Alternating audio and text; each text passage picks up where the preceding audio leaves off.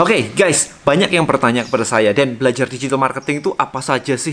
Jadi kayaknya kok kok luas banget gitu ya, ada iklan, ada copywriting, ada funnel, ada landing page, ada macam-macam gitu kan. Saya pengen share kepada Anda. Jadi ini adalah sebuah framework dari elite saya ya, DM Elite yang sering saya pakai juga untuk coaching bisnis-bisnis yang lumayan gede gitu ya. Jadi ya saya ada coaching juga. Jadi gini, jadi ini step-stepnya seperti ini. Saya pengen berbagi ini kepada Anda supaya paling tidak Anda tahu puzzle piece-nya itu apa sih?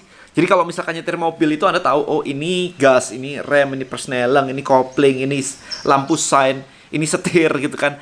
At least Anda tahu semua part-partnya. Nah nanti urusan Anda setelah Anda menguasai itu semua, urusan Anda mau ngebut-ngebut dikit lah, mau nggak nyalain lampu sign lah itu urusan belakang gitu ya. Jadi ini adalah kerangka yang saya bagikan di sini ini supaya Anda paling nggak tahu gitu. Jadi ketika saya membantu sebuah perusahaan untuk masuk ke digital marketing yang lebih lebih proper lagi, lebih benar lagi gitu. Nah, yang pertama sih saya pasti melakukan sebuah diagnosa gitu ya, yang sekarang ini sudah dilakukan tuh apa aja. Jadi company Anda itu sudah sudah ngapain aja sih selama ini? Activity digitalnya itu udah ngapain aja? Jangan-jangan cuma upload di marketplace. Jangan-jangan cuma upload Instagram doang, konten rutin, that's it gitu. Which is gak salah sih, cuma saya perlu analisa di situ. Nah, kemudian habis itu saya siapin nih preparation ini. Kita kita mesti tahu dulu nih goal dari company ini apa jadi company ini masuk digital itu goalnya apa? Jadi kalau saya ngebantuin orang, saya harus tahu goalnya. Sama seperti saya bilang ke anda, kalau anda mau masuk ke sebuah atau anda mau menjual uh, produk, anda harus tahu kan goal dari customer anda itu nanti apa. Gitu. Jadi itu yang pertama, objektifnya apa. Berikutnya adalah team building. Oke, okay, so di team building itu saya selalu ngecek dulu timnya itu lengkap nggak. Kadang-kadang repot banget ya ketika dia mau masuk ke digital, tapi timnya nol atau bahkan cuma satu. Ini nggak bisa banget, jadi timnya macam-macam nih banyak banget nih. Ada desainer, copywriter, video editor, traffic, product developer, funnel, project manager, strategisnya, which is me biasanya. Ada messengernya, jadi banyak banget sebenarnya. Nah, tools-tools apa aja yang harus dipakai gitu. Nah, sekarang kita masuk ke elite framework itu sendiri. Kebanyakan orang itu salahnya adalah karena mereka masuk di fase 3 di sini. Ya, di fase 3, skill, traffic, ngiklan, pasang iklan di Instagram, pasang iklan di Facebook, di Google, di YouTube itu jadi prioritas mereka. Pantesan jebol banget. Boncos terus, rugi terus gitu. Karena fase 1 dan fase 2-nya itu lupa dikerjain.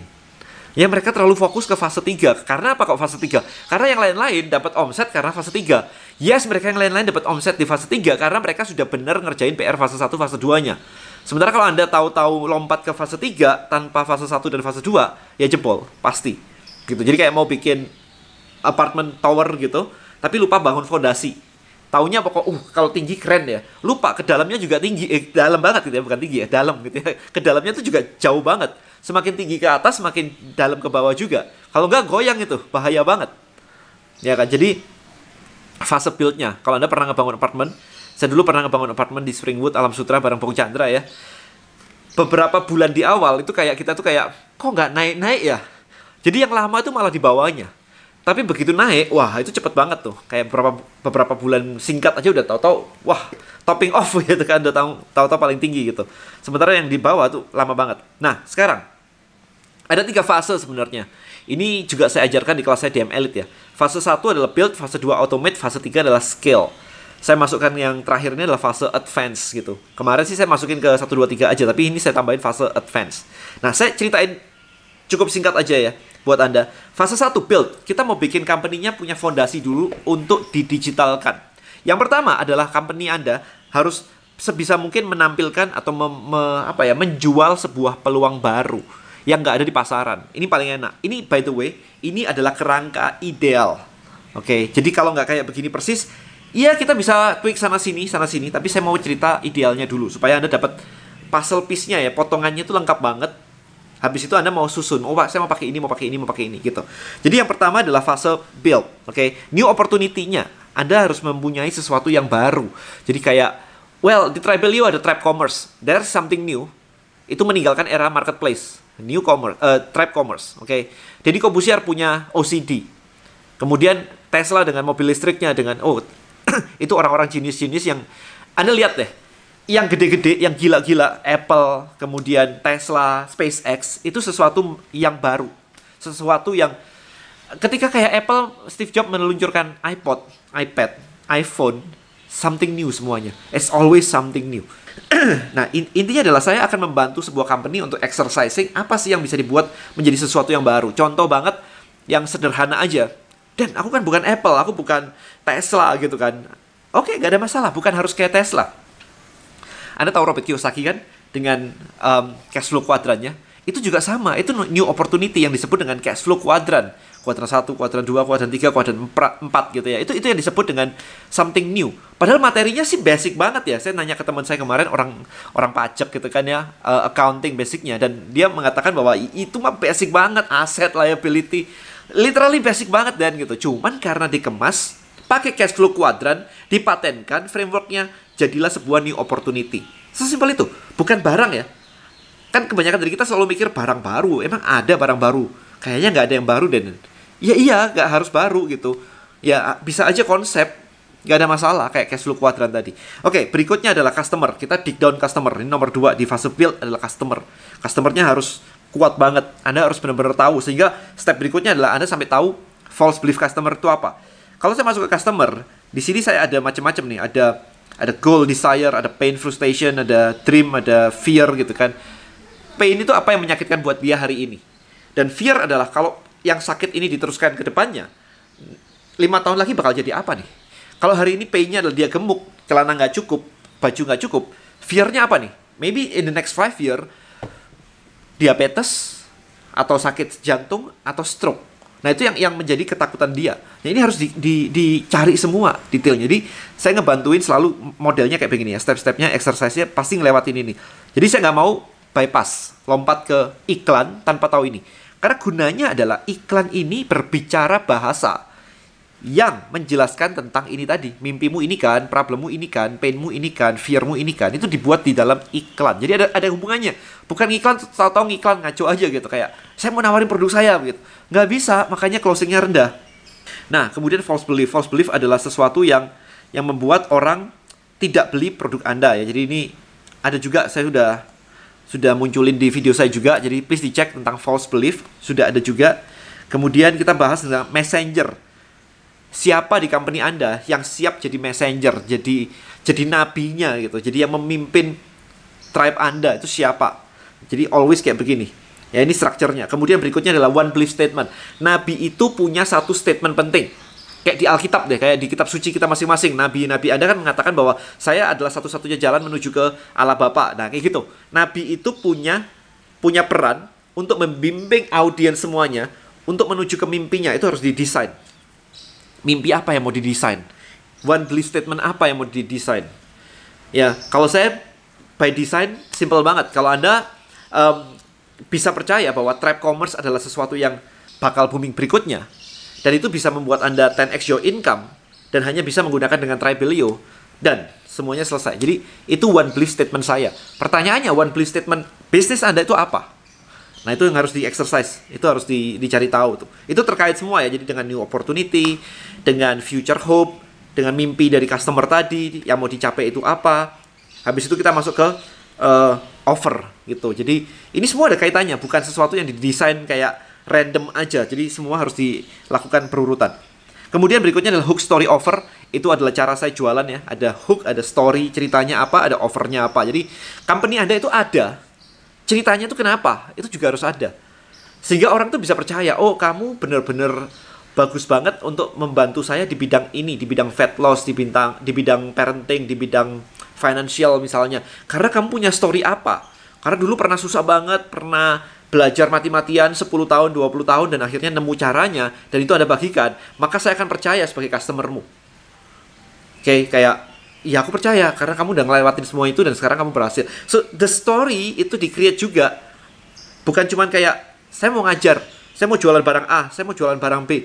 Kenapa itu ada? Itu harus ada story-nya sehingga orang tuh believe gitu. Nah, itu harus ada desain. Kemudian terakhir adalah value ladder ya. Jadi kalau orang beli, apa yang menjadi upsell-nya berikutnya sehingga profit Anda maksimal. Karena kalau enggak, bayangin aja Facebook di bulan ini sudah menambahkan PPN 10%.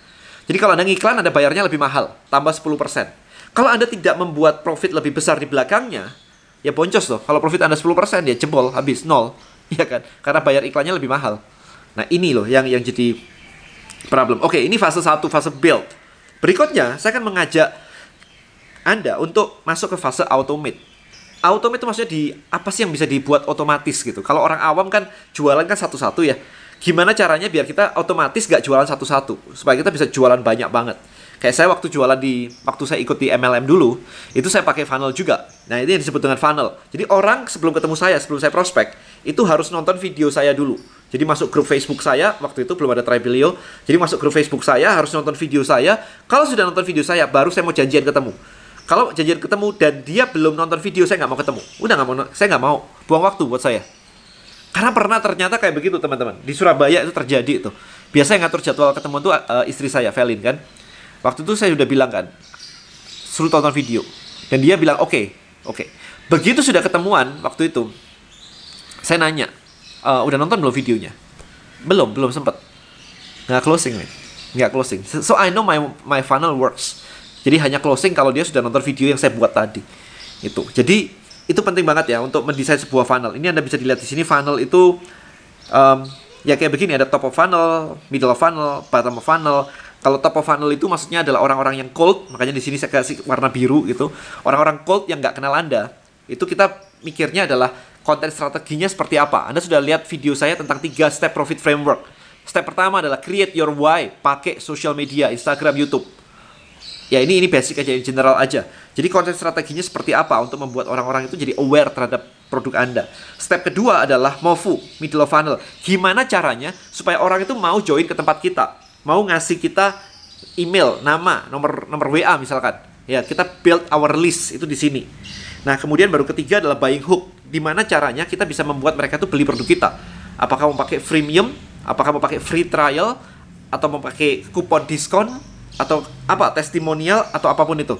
Jadi uh, stepnya seperti itu ya. Jadi buying hooknya apa gitu. Ada webinar misalkan, atau software demo misalkan, atau ditunjukin demo datang ke rumah. Nah itu harus didesain. Jadi ini kerangka itu benar-benar udah udah very very complete sih buat saya lakuin ini semua gitu kan.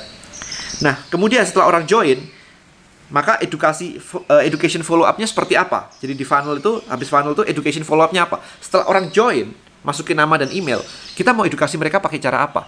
Apakah pakai Tribe kayak di Tribelio atau mau pakai cara apa? Mau pakai majalah, ada kirim majalah?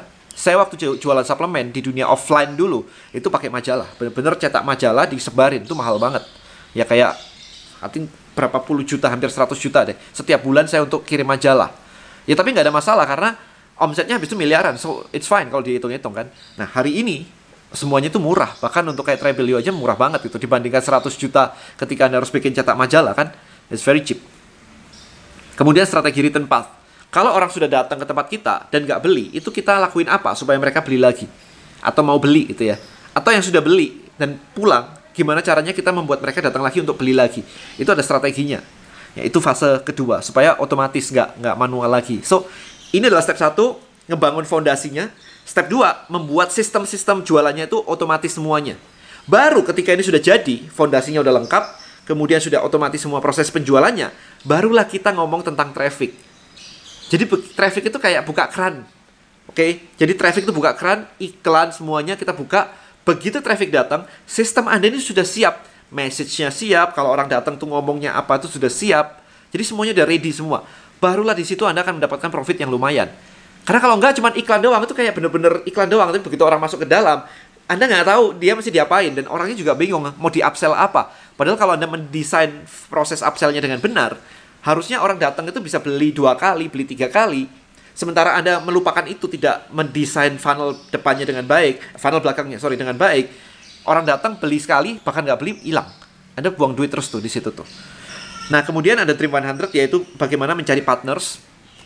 Jadi kalau Anda lihat saya IG live dengan banyak orang itu semua itu itu strategi Dream 100 bagaimana mencari partner gitu kan dan yang terakhir adalah reseller Anda tahu sendiri bagaimana membangun reseller ya jadi materinya apa apakah ada reseller academy apakah ada pembinanya macam-macam kayak gitu. Nah, ini ini selesai sampai sini sebenarnya. Ini udah cukup sampai sini udah lumayan nih. Tapi kalau Anda mau naik level lebih lanjut, ada level advance, yaitu kita akan ngomongin tentang identity shift. Nah, ini nggak gampang. Memang levelnya advance. Ini butuh waktu. Jadi semua ini akan diproses semuanya sampai jadi fase 1 2 3 sampai jadi barulah keempat ini kita bisa mulai kelihatan nanti. Orang menyebut dirinya apa ya? Apakah orang menyebut dirinya misalkan Persija ada Jackmania, Justin Bieber ada Beliebers, Agnes Monica punya Nation gitu.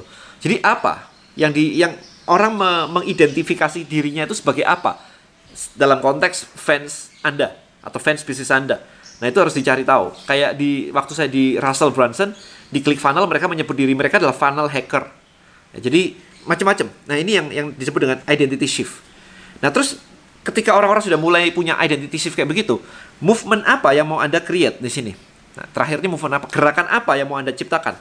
Empat sehat, lima sempurna, supaya semuanya minum susu? Atau gerakan anti sampah plastik? Saya lagi mengcreate sebuah gerakan juga yang yang namanya adalah kita fight yang namanya perang harga di marketplace. Ya, jadi saya mau memerangi yang namanya perang harga di marketplace. So, kalau Anda ngerasa hidup Anda susah kena perang harga, dengarkan video saya semuanya. Saya mau memerangi yang namanya perang harga supaya profit Anda naik supaya profit Anda lebih besar sehingga Anda bisa cuan lebih enak gitu ya, lebih profitnya lebih enak. Nggak perang harga mulu gitu kan. Capek bisnis kelihatannya rame tapi perang harga. Habis itu duitnya nggak ada. Habis itu bayar PPN lagi. Habis itu bayar PPN bukan masalah, tetapi kalau habis karena perang harga terus bayar pajak semuanya, kan profitnya habis gitu loh maksud saya. Tetap pajak harus dibayar, of course. Ya, terus um, ya itu itu itu yang lagi saya saya gerakkan hari ini gitu ya movement saya seperti itu. Nah terakhir adalah 4 minute miles. 4 minute miles itu award apa yang bisa Anda ciptakan? Anda tahu sendiri, saya pakai plakat Silver Circle Tribelio. Jadi orang yang berhasil menggunakan Tribelio untuk mendapatkan income lebih dari satu setengah miliar akan mendapatkan Silver Circle dari Tribelio. Nanti kalau misalkan Anda dapat 14 miliar, satu juta dolar, itu ada nextnya lagi. Jadi itu untuk membuktikan bahwa proses ini bisa berjalan gitu. Alright guys, so kurang lebih itu itu adalah elite framework. Jadi ketika saya ngajar di DM Elite, yang saya ajarkan kurang lebih kayak begini. Dan ini dibahas detail banget ya. Ini baru ini saya udah ngebut aja udah 17 menit lebih gitu ya. Jadi materinya memang uh, banyak banget. Dan saya juga menggunakan ini juga untuk consulting saya gitu. Jadi ada perusahaan-perusahaan besar yang memang butuh dibimbing step by stepnya dan timnya. Nah, saya menggunakan framework yang sama. Karena memang ini works gitu. Anda lihat di mana-mana kalau Anda sekarang gini, kalau Anda memegang framework ini di kepala Anda, maka Anda akan bisa melihat kok company-company itu yang mereka lakukan step by stepnya juga kayak begini.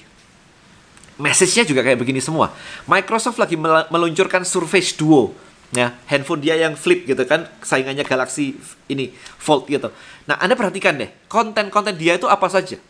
Konten-konten dia nanti akan menjawab question uh, tentang mindset, belief, knowledge orang tentang produknya. Anda lihat deh, kerangkanya itu semua sama yang dilakukan oleh big company begitu. Jadi kalau Anda baru mulai atau per, uh, baru kayak ya masuk ke dunia digital, kenapa nggak ngikutin aja framework-framework yang udah udah bagus kayak begini sehingga you know, it, anda langsung jalannya lebih cepat lagi daripada nyoba-nyoba gagal, nyoba-nyoba gagal. Anda dapat gambaran bahwa pieces dari digital marketing itu seperti ini lengkapnya. Puzzle piecesnya seperti ini. Tinggal Anda nanti pakainya gimana. Nah, itu butuh sambil jalan, ya itu butuh sambil jalan. Karena saya udah ngejalan ini udah udah belasan tahun ya. Digital marketing udah belasan tahun gitu. Jadi kalau kayak begini diiniin kalau kayak begitu digituin gitu. Itu di kepala saya udah udah lancar banget. Ya, that's why itu melengkapi dari sekedar framework aja. Jadi you know experience dan framework itu saling saling membantu gitu ya